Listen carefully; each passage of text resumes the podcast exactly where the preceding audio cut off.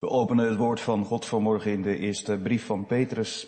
Het eerste hoofdstuk en lezen met elkaar de versen 3 tot en met 25. 1 Petrus 1, vers 3 tot en met 25. Geprezen zij de God en Vader van onze Heer Jezus Christus, die ons overeenkomstig zijn grote barmhartigheid opnieuw geboren deed worden tot een levende hoop, door de opstanding van Jezus Christus uit de doden tot een onvergankelijke, onbevlekte en onverwelkbare erfenis, die in de hemelen bewaard wordt voor u. U wordt immers door de kracht van God bewaakt, door het geloof tot de zaligheid die gereed ligt om geopenbaard te worden in de laatste tijd. Daarin verheugt u zich. Ook al wordt u nu voor een korte tijd, als het nodig is, bedroefd door allerlei verzoekingen. Opdat de beproeving van uw geloof, die van groter waarde is dan die van goud, dat vergaat en door het vuur beproefd wordt, mag blijken te zijn tot lof en eer en heerlijkheid bij de openbaring van Jezus Christus.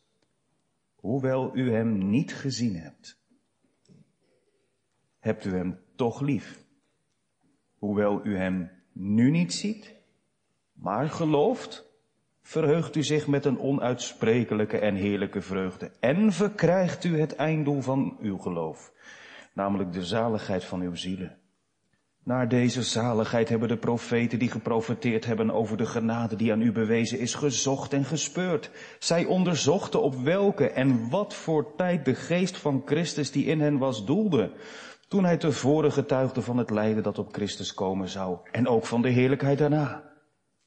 En aan hen werd geopenbaard dat ze niet zichzelf, maar ons dienden. In de dingen die u nu verkondigd zijn door hen die u het evangelie verkondigd hebben, door de Heilige Geest die vanuit de hemel gezonden is. Dingen waarin de engelen begeerig zijn zich te verdiepen. Om God daarom de lendenen van uw verstand.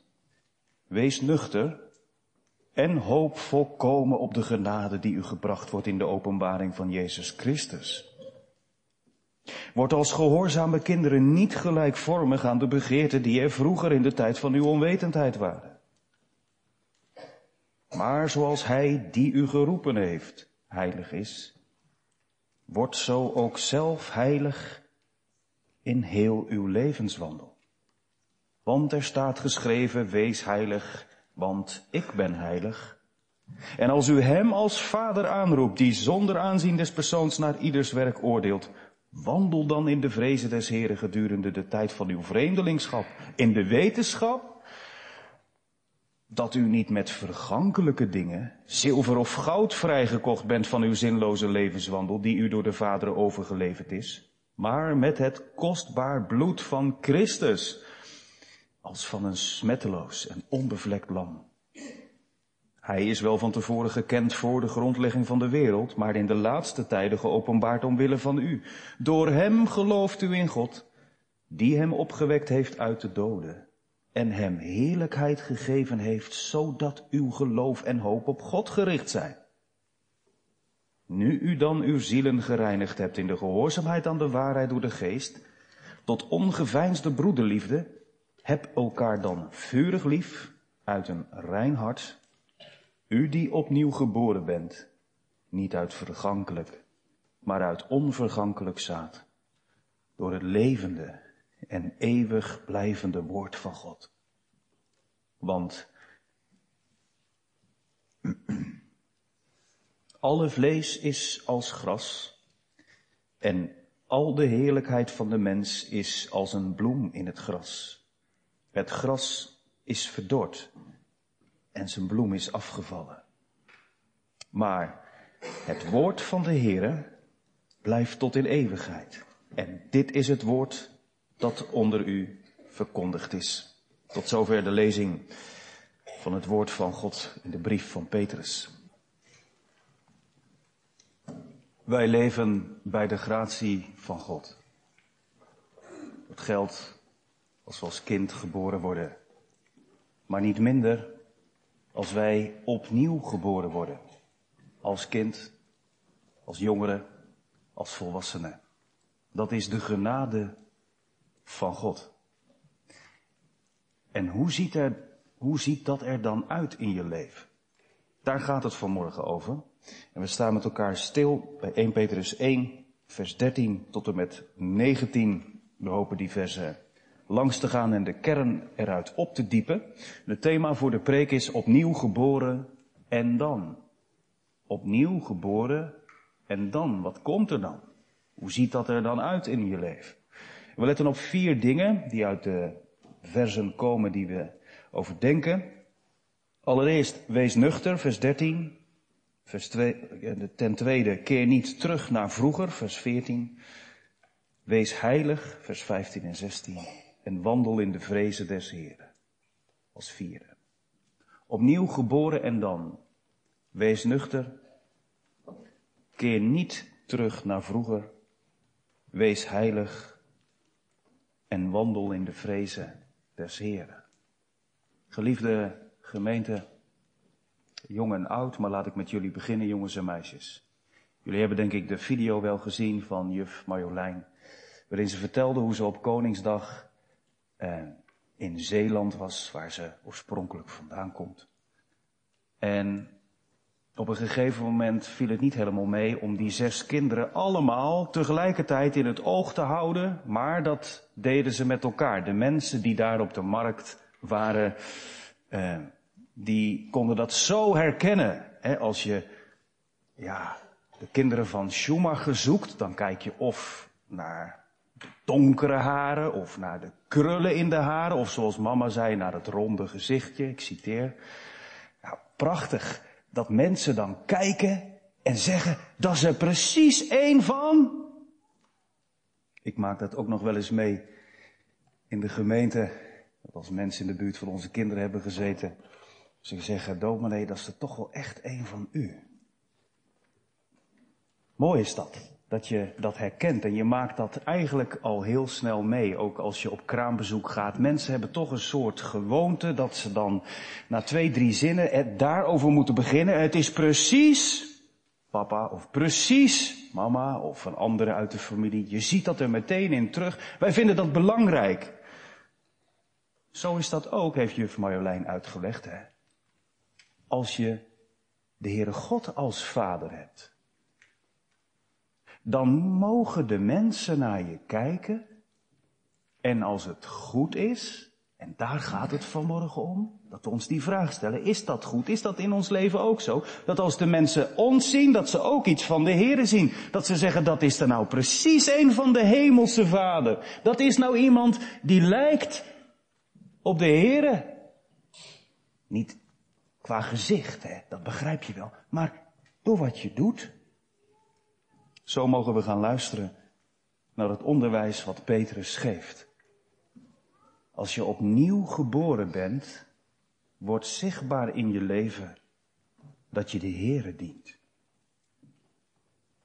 Het is trouwens wel opvallend, voordat we naar vers 13 gaan, dat dat elke keer terugkomt, gemeente, bij de apostelen. Niet alleen bij Petrus, maar zeker ook bij Paulus en zelfs ook bij Johannes. Drie apostelen die ervoor kiezen, als ze een brief schrijven, dat ze eerst beginnen bij wat God heeft gedaan. De indicatief noemen we dat met een moeilijk woord. Dan beschrijven ze, nou zo hebben wij dat de vorige keer gehoord. Lees maar terug aan het begin van 1 Petrus 1 dat God de mensen opnieuw geboren deed worden tot een levende hoop door de opstanding van Jezus Christus. Hij heeft een, een prachtige erfenis die hij voor ze bewaakt en bewaart in de hemel. God die beproeft, God die loutert, God die de redding al klaar heeft liggen. Allemaal wat de Heere heeft gedaan. In het leven van de mens. En van daaruit, vanuit wat God heeft gedaan, gaat hij lessen trekken voor het leven. Gaat hij ook bevelen geven, de imperatief. Dat is wel belangrijk om die volgorde te weten. Dat is niet zomaar een staaltje van schrijfkunst of nauwkeurig theologisch uh, redeneren. Nee, dat raakt ons allemaal, want ik maak het best vaak mee dat het omgedraaid wordt. Dan wordt er gezegd, God moet het allemaal doen, dus wij kunnen daar niks aan doen. Maar tegelijkertijd wordt er van iedereen gevraagd om wel heilig te leven. Je mag dit niet en je mag dat niet, en je mag zus niet en je mag zo niet, want God zegt, ik ben heilig. Ja, dan krijg je zo'n kramp, geliefde gemeente. Op onze reformatorische scholen, in onze reformatorische gezinten. Als we van de mensen gaan verwachten dat ze heilig kunnen leven zonder wat God doet, zonder dat God begonnen is. De beter zeggen ze dan, dat is trek aan een dood paard. Het geheim, het wonder van genade is dat als God begint, dat leven zich voltrekt. Dat je jongens en meisjes, weet je nog, steeds meer op de Here gaat lijken. Ja, maar hoe dan? Wat helpt om als je opnieuw geboren bent, wat helpt dan om zo te leven dat de Heere, terwijl hij naar je kijkt, zegt, dat is er een van mij, die is heilig. Want dat is nogal wat. Nou, zegt Petrus, eerste punt. Begin maar om nuchter te zijn. Hè? Om God. Daarom. Dus vanwege dat alles wat God heeft gedaan en beloofd, moeten wij beginnen met nuchter te zijn. Hoe doe je dat? Door de lendenen van je verstand op te schorten. Dat is een moeilijke zin, jongelui.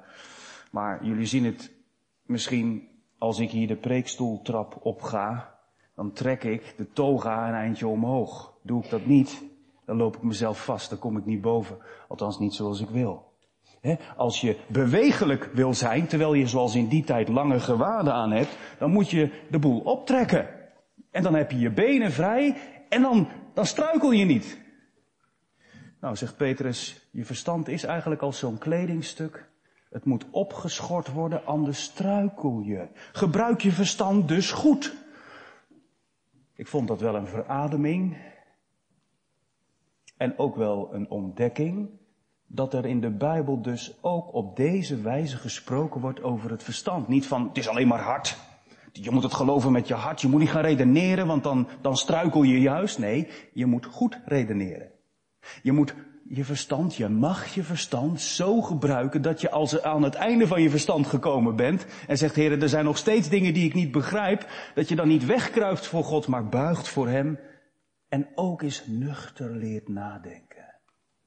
Naar die onzagwekkende werkelijkheid die Petrus heeft beschreven, die erfenis die je, die je niet ziet, maar waarvan je weet dat die bij God ligt. Dat nieuwe leven dat God je heeft gegeven al die heerlijke dingen, hoe moet ik daar nu mee omgaan? Zorg dat je verstandig leeft, nuchter nadenkt. Nuchter. De tijd van het Nieuwe Testament was dat altijd het tegenovergestelde van dronken. Dat zit ook in het Griekse woord en hoewel het alcoholpercentage in de drank in die tijd veel lager was dan vandaag de dag en het ook gewoon de volksdrank was, soms ook om een beetje actief te blijven en uh, tegen allerlei kwaaltjes te strijden, was het in die tijd ook wel heel gebruikelijk dat mensen daardoor iets te ver over de schreef gingen, of een heel beetje. Je zou het woord nuchter ook kunnen vertalen niet alleen als het tegenovergestelde van dat je niet dronken moet zijn, maar dus dat je je verstand goed gebruikt. En waar richt zich dat dan op? Hoe doe je dat dan? Door te gaan zitten plussen en minnen, ben ik nou wel echt wedergeboren of niet? Zijn er nou wel genoeg vruchten in mijn leven of niet? Heb ik wel genoeg geloof of niet? allemaal dingen die denk ik heel herkenbaar zijn. Tenminste, ik verzin ze niet. Ze komen ook wel een beetje uit mijn eigen leven en hart op. Je denkt, ja, dat is allemaal zo hoog en was het maar een beetje meer dit en had ik het maar altijd en moet je dat dan gaan doen? Is dat nuchter zijn? Is dat je verstand gebruiken? Nee, zegt Petrus. Lees eens mee. Om God, de lendenen van uw verstand, wees nuchter en dan hoop, volkomen, niet een beetje, niet alleen op zondag, niet alleen als je er wat aan hebt, nee, volkomen, altijd, helemaal, radicaal, op de genade, hoop volkomen op de genade, die u gebracht wordt. Wanneer? In de openbaring van Jezus Christus. En wat betekent dat laatste? Als de bazuin klinkt, aller oog hem zal zien. En Jezus terugkomt op de olijfberg. Recht zal spreken. En de beloofde zaligheid, het einddoel van het geloof, hebben we gelezen, tot je beschikking komt. Niet langer meer leven door het geloof, maar door te zien. Niet langer meer te leven met een lach en een traan, maar altijd in vreugde. Niet langer te leven in een lichaam waarin je pijn voelt. Met een persoonlijkheid die niet alleen kan lijden, maar ook lijden kan aanbrengen bij een ander. Dat. De dag dat Jezus alles herstelt. Niet alleen de hemel en de aarde, maar ook de mensenwereld. Dat je dat moment voor ogen houdt, daarop hoopt, wetend dat het ook echt dan pas halleluja is. Hier, zeker, bij tijden, maar soms ook, ach en och, ik ellendig mens, dat hè. Wat een ontdekking, dat dat nuchter geloof is. Dat je niet vergeet dat het hier nog niet volkomen wordt. Het verlangen mag er zijn, maar dat verlangen moet niet destructief werken van, als het dan nog niet helemaal zo ver is, dat ik dan somber over de aarde ga. Dat is nou juist terwijl ik die pijn ervaar en terwijl ik het verdrietig vind dat ik geliefde moet loslaten en dat ik nog steeds zonde doe en dat ik nog steeds dingen doe die niet tot Gods eer zijn. Maar ik hoop, ik hoop volkomen op de genade die mij wordt toegebracht als Jezus terugkomt. Zo kom ik er doorheen. Zul je dat niet vergeten als het een keer misgaat tussen je als man en vrouw in het huwelijk. Als je denkt, wat ben ik toch voor een opvoeder? Ik ben nog erger dan die ezel. En ik kan mijn kinderen echt niet alleen maar alles verwijten. Ik stoot mezelf zo vaak. Nee, niet om dat gedrag goed te praten. Maar als je daar verdriet over hebt, niet te blijven somberen, morgen weer opnieuw beginnen. Want dat is weer een dag dichter bij de dag dat je daarna nooit meer verdriet hebt. Dat. De openbaring van Jezus Christus. Dat is nuchter. Wij mogen strijden, wij moeten geloven, wij hebben hoop. Maar dat alles om er hier doorheen te komen, want hier beneden is het nog niet volmaakt. Dat is ook wedergeboren zijn. Opnieuw geboren zijn. Nuchter weten, het beste komt nog. En als het hier even niet zo best gaat, hoe simpel het ook klinkt, kijk maar omhoog naar degene die je aanroept als vader. Daar komen we nog op. Denk aan die erfenis. Wees nuchter. Het komt goed. Helemaal goed. Tweede is, keer niet terug naar vroeger. We hebben dat gelezen in vers 14, hè? Wordt als gehoorzame kinderen niet gelijkvormig aan de begeerten die er vroeger in de tijd van uw onwetendheid waren. Komt dat binnen, geliefde gemeente? Kijk eens in de spiegel en doe dat maar samen met je vrouw als je die mag hebben of met je man. Met je kinderen. Kijk nou eens samen in die spiegel. Is dit woord alleen maar van toepassing op de mensen toen? Die zo uitgebreid de afgoden dienden. Die helemaal niet wisten van het bestaan van de levende God. Die echt onwetend waren die God niet kenden zoals de christenen het kenden. Wij die erbij opgevoed zijn, althans de meeste van ons, die niet kunnen zeggen, nou ja, ik ben onwetend, want ik ben van kinds af aan in de schrift opgevoed.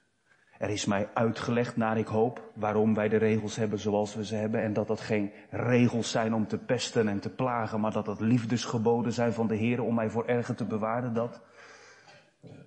toch Petrus ziet het grote gevaar toen, maar de Heilige Geest wijst ook het grote gevaar vandaag aan. Juist als het een periode minder gaat in je leven en er komt tegenslag op je werk, Je krijgt financiële zorgen. Het gaat in je huwelijk een poos minder goed. Je merkt het opvoeden van de kinderen, dat is een hele strijd. En, en als al die dingen dan soms even in een week samenkomen, dat je niet de Bijbel pakt, een avond op je mobiel zit. Dat je, dat je terugkeert in een leven van heel hard werken. Erg gericht bent op, ja, op de status. Dat lucht een beetje op, dan ben je weer iemand, want thuis lukt het niet, dan ben ik het tenminste wel op mijn werk. Ik noem zomaar even een paar praktische dingen. Kijk, letterlijk kunnen de lezers van die brief niet terugkeren naar vroeger, want daar houdt God ze wel tegen hoor. Eens gered, altijd gered. Er is geen afval der heiligen. Dat is wat wij geloven. God doet geen halfwerk, maar tegelijkertijd vraagt hij wel volkomen toewijding. En daarom, jongelui, alsjeblieft, alsjeblieft. Je ouders, met zo'n ouder als ik, maken echt wel fouten. En soms snappen ze zelfs misschien de tijd een beetje minder goed dan jij. Maar neem alsjeblieft van de Heere aan dat Hij je niet voor niets je ouders gegeven heeft. Om je ook hierin te leiden. Niet toe te geven aan dat wat een hele massa mensen gewoon normaal is gaan vinden. Neem het gezag wat God ze geeft aan. Ook als ze hierin jou proberen te bewaren. Voor struikelen. Door op te gaan in afgodendienst, ook vandaag. Keer niet terug naar vroeger. Ja, letterlijk staat er, word als gehoorzame kinderen. Niet gelijkvormig aan de verlangens die je vroeger had. Dat is een opdracht, hè? Dat vraagt God van ons. En dat doet Hij niet door je zomaar ineens van de een op de andere dag wakker te laten worden en dat het dan vanzelf gaat. Dat is doen. Dat is strijden. Dat is, zegt Jezus in de beeldspraak, dat ene oog gewoon uittrekken. Die andere hand gewoon afhakken. Dat mag het ons wat kosten. En dat is niet om u te vermoeien met iets wat je niet kunt. De Heere belooft het, dat Hij je daarbij helpt. En daar gaat zo'n zegen van uit. Als je bepaalde verlangens die weer boven komen, toch kon blussen. Door dicht bij de Heere te zijn. En door te beseffen, ik doe het voor mijn vader. Ouders, soms dan zou je wensen dat je een kind had en ik bedoel dat niet naar ouders die, naar, naar, naar uh, mannen en vrouwen, huwelijken die geen kinderen kunnen krijgen, uh, om pijn te doen. En zo bedoel ik het niet. Want dan maakt het je niet uit welk kind je hebt. Je zou het zo graag willen, maar je krijgt het niet. Maar ik, ik probeer even te denken vanuit de situatie dat je wel kinderen hebt en inmiddels ook weet hoe dat dan gaat. Dat je eigenlijk zou wensen, als ik nou eens een zoon had die zei, pa, het is, uh, half acht, het, het, u bent vergeten te zeggen dat ik mijn speelgoed nog moet opruimen voordat ik naar bed ga. Dat zou je wel eens wensen, zo'n kind. Of die inderdaad zo in het weekend zo tegen negen uur zegt, pa, ik moet echt naar bed nu, hè. U vergeet het, hè, maar wilt u mij naar bed brengen, want het is de hoogste tijd, want morgen moet ik fit, in de kerk zitten. Dat zou je wel eens willen. Zo'n kind wat zo aan het lijntje loopt, dat alles vanzelf gaat, keurig. En je kunt naar de mensen ook, ja, dan ben je wel een beetje trots. Kijk eens, wat een gedachte. Die zullen dan net verziet hebben als zo'n kind dat zegt. Maar als zo'n kind nooit vraagt, papa, wilt u me helpen met mijn huiswerk? Als zo'n kind zomaar binnenstormt. En eigenlijk aan je voorbij gaat. Alleen maar aan het lijntje loopt en nooit bij je op schoot komt zitten en zeggen, papa, wat houd ik toch van u? Zou je zo'n kind willen? Geef me er dan maar een die voor de zoveelste keer vergeet zijn schoenen te vegen. En die met geen tien paarden naar bed is te krijgen, maar die laat merken, ik houd niet van u.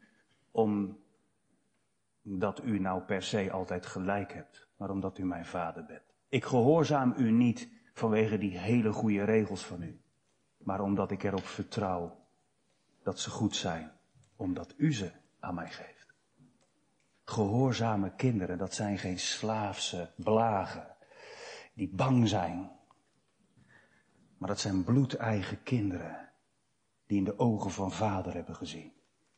Als hij nou zijn zoon voor mij gaf, als hij mij nou vasthoudt, dan wil ik hem graag gehoorzamen. Nee, dat lukt niet altijd.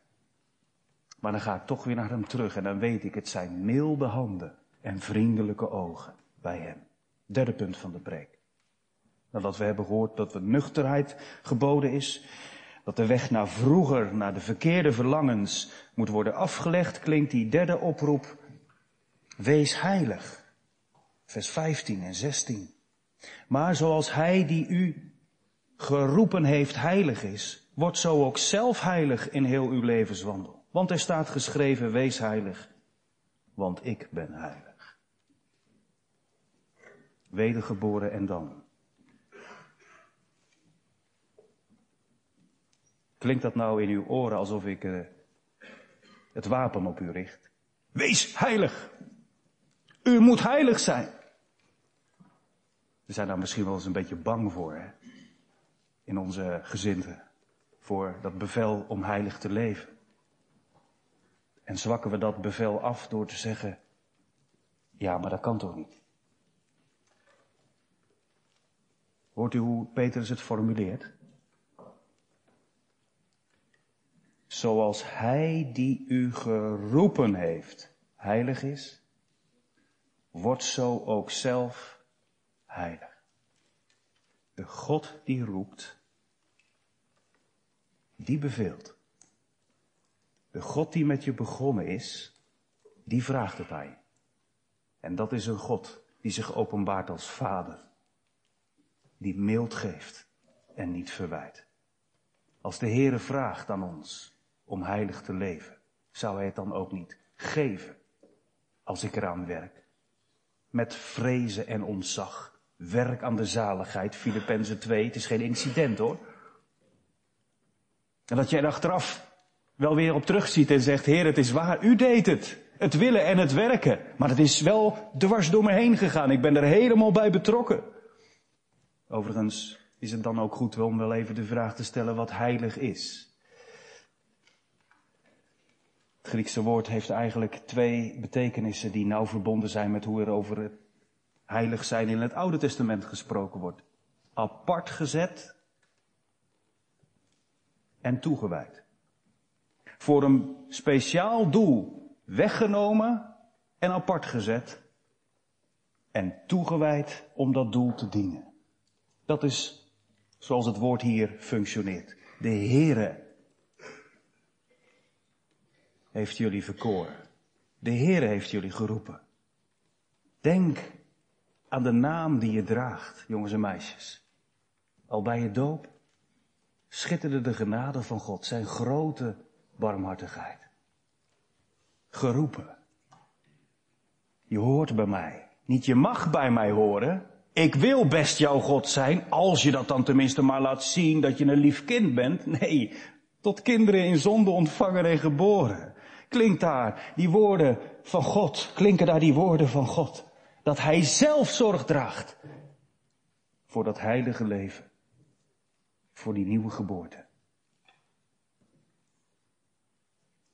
Zoals Hij die u geroepen heeft heilig is, wordt ook zelf heilig in heel uw levenswandel. Want er staat geschreven, Leviticus staat er vol mee, wees heilig, want ik ben heilig. Daar heb je het weer, hè? Dan ga je op de Heere God lijken. Zoals de Heere toegewijd is om heel die schepping die gevallen is weer te herstellen. Zoals de Heere toegewijd is om zondaren te redden en om ervoor te zorgen dat die kerk met een hoofdletter, waar dan ook ter wereld, er doorheen komt. Zo mag ook een christen heilig zijn, toegewijd zijn, anders zijn. Om in het leven met God er doorheen te komen. Leer vanuit het Oude Testament, geliefde gemeente, dat dat heilig zijn, apart gezet zijn, toegewijd zijn, niet alleen maar een mens aan zich raakt. Jou als dochter, u als vader. Maar het collectief, het volk, de gemeente, het gezin. En dan ben ik weer even bij jullie jongelui. maar ook bij jullie ouders. Is dat wat gewicht heeft in ons leven? Kijken we zo naar hoe we met elkaar omgaan? God heeft ons geroepen om apart van de massa te leven. Om als een licht te zijn op de kandelaar. Om niet mee te gaan in afgodendienst. Soms zucht je misschien wel eens als je je ouders niet begrijpt waarom dit of dat niet mag. En bij die en die mag het wel. Kunnen er hele discussies zijn. En missen je ouders het respect in je woorden, in je uitingen, in hoe je daarop reageert. Zul je niet vergeten dat het is wat ze hebben beloofd bij je doop. Het is spotten met God als ze jou alles maar laten doen. Als ze er nooit wat van zeggen. Het gaat hen ook om jouw nieuwe geboorte. Om jouw redding. Wat heb je aan ouders die vroom ja zeggen voorin en het allemaal maar een beetje laten gaan? Wees dankbaar, ook al vind je het niet altijd fijn, dat ze je serieus nemen. Omdat ze weten, God neemt ons serieus. Wees heilig. Dat geldt niet alleen voor mij, maar ook voor mijn kinderen en voor mijn vrouw. Dat geldt niet alleen voor mij, maar ook voor u. Daarom gaat het hier vanmorgen ook over. Als je opnieuw geboren bent, dat is dan wel de basis, dat is het uitgangspunt. Dan roept de Heer ons op, besef dat je apart gezet bent en leef toegewijd. En laat dat maar zien. Put uit mij en draag zoveel vrucht. Wie in Christus is, zal vrucht dragen, zal schitteren, gaat steeds meer op de Here lijken. En dan tot slot het laatste punt. Opnieuw geboren en dan, nou, wandel in de vrezen des Heren.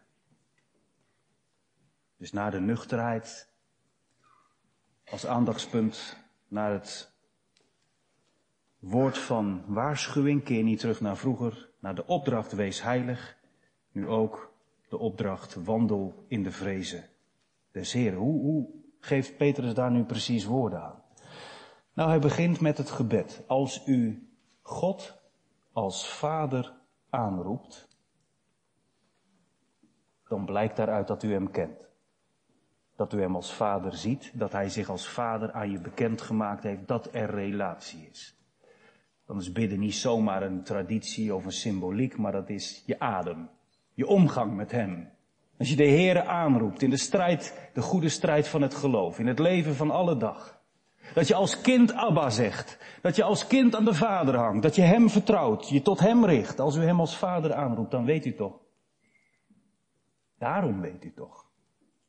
Hoe hij met je omgaat. Voordat we dat negatief duiden door te zeggen van dat de Heere zonder aanzien des persoons naar ieders werk oordeelt, met andere woorden, hij behandelt iedereen op dezelfde manier. Denk erom, zo zou je dat negatief kunnen uitleggen. Je kunt er nooit een beroep op doen, Heer, ik ben iets beter dan een ander of zo. Of ik, ja, u ziet het bij mij toch wel een beetje door de vingers, want als je let op al die anderen, nee, God behandelt een ieder zonder aanzien van de persoon naar zijn eigen werk. Hij kijkt gewoon, zonder opsmuk, met al je titels en al je mooie dingen ervan af, wat heb je nou gedaan? Wat is je gedrag? Dat is negatief. Maar ik wil graag positief beginnen. Zo zou je het ook kunnen lezen. God ziet je zoals je bent. Zonder aanzien van de persoon. Wat de mensen ook van je hebben gemaakt. Wat anderen ook van je zeggen. Wat je soms ook van jezelf vindt. Hij vergelijkt je niet met die andere goede vader die het allemaal wel redt, denk je. Nou, ga maar eens achter de schermen kijken hoor. Komt dat soms nog wel eens tegen bij u.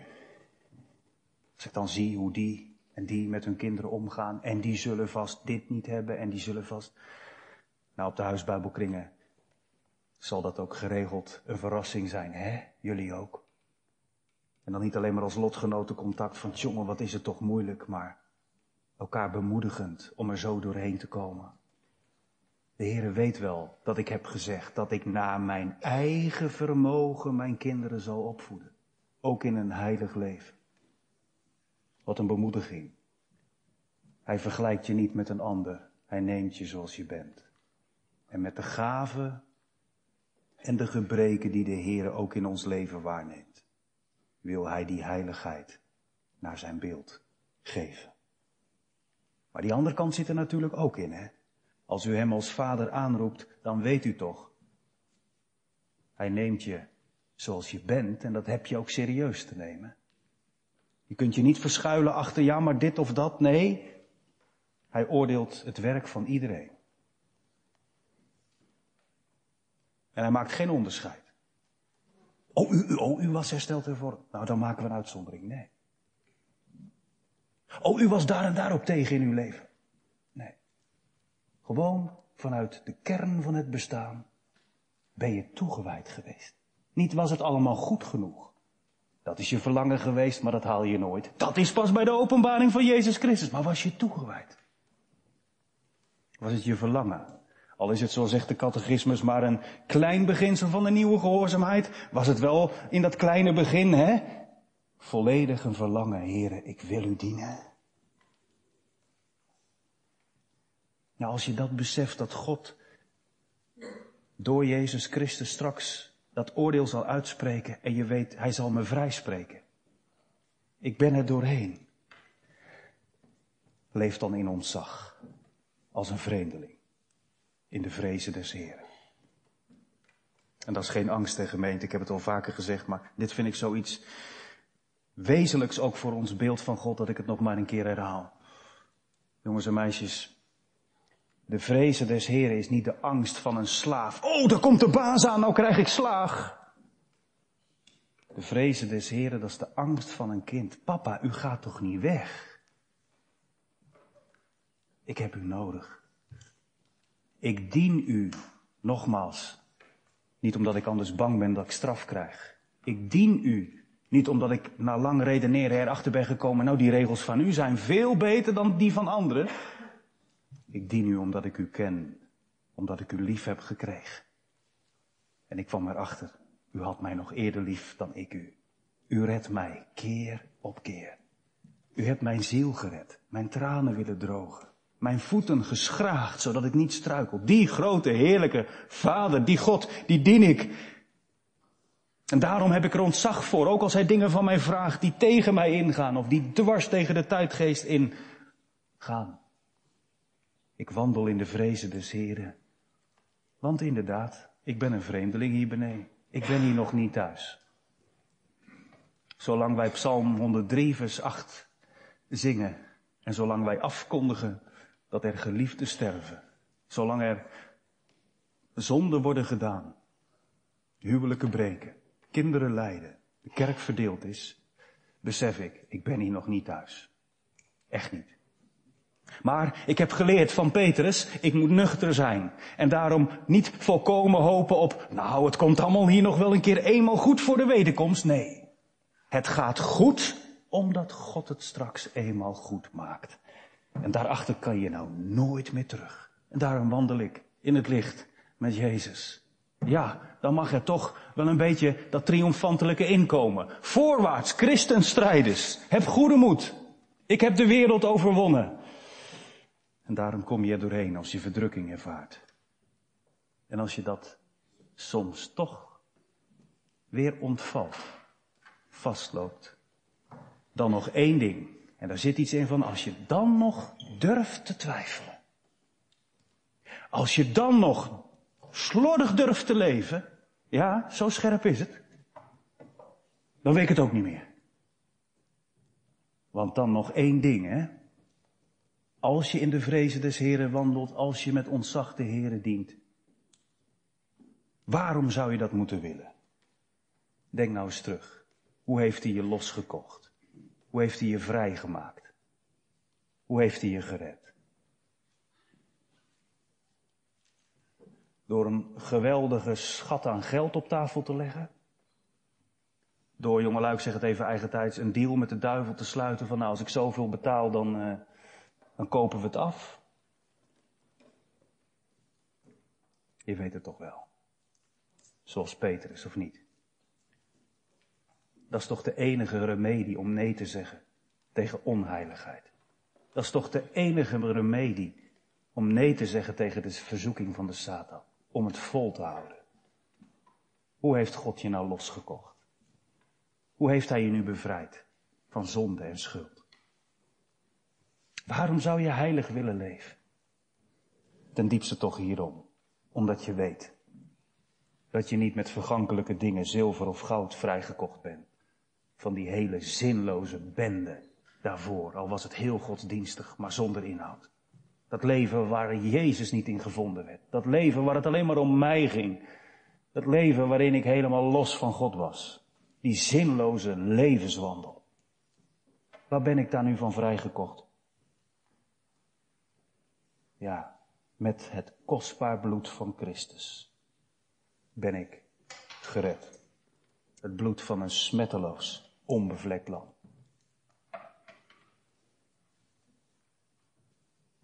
Als je dat op jezelf in laat werken. Ik heb echt serieus gedacht, geliefde gemeente.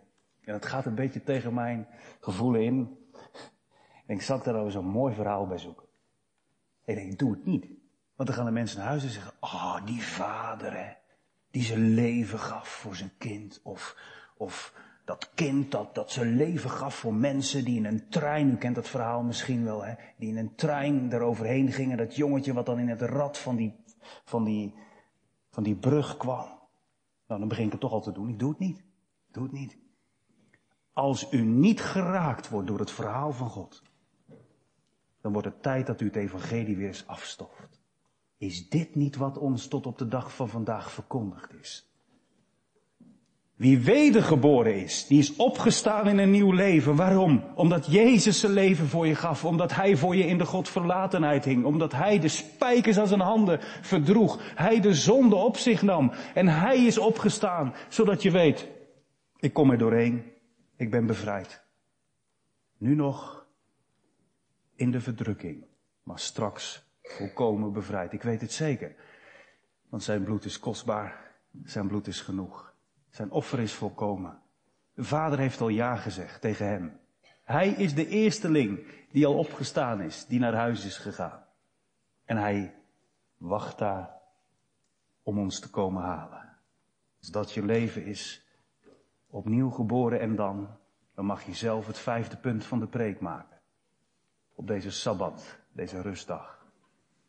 Opnieuw geboren en dan dan zal ik eenmaal ontwaakt God zien met nieuwe ogen en Hem danken met heel mijn leven en heilig zijn voor eeuwig. Amen.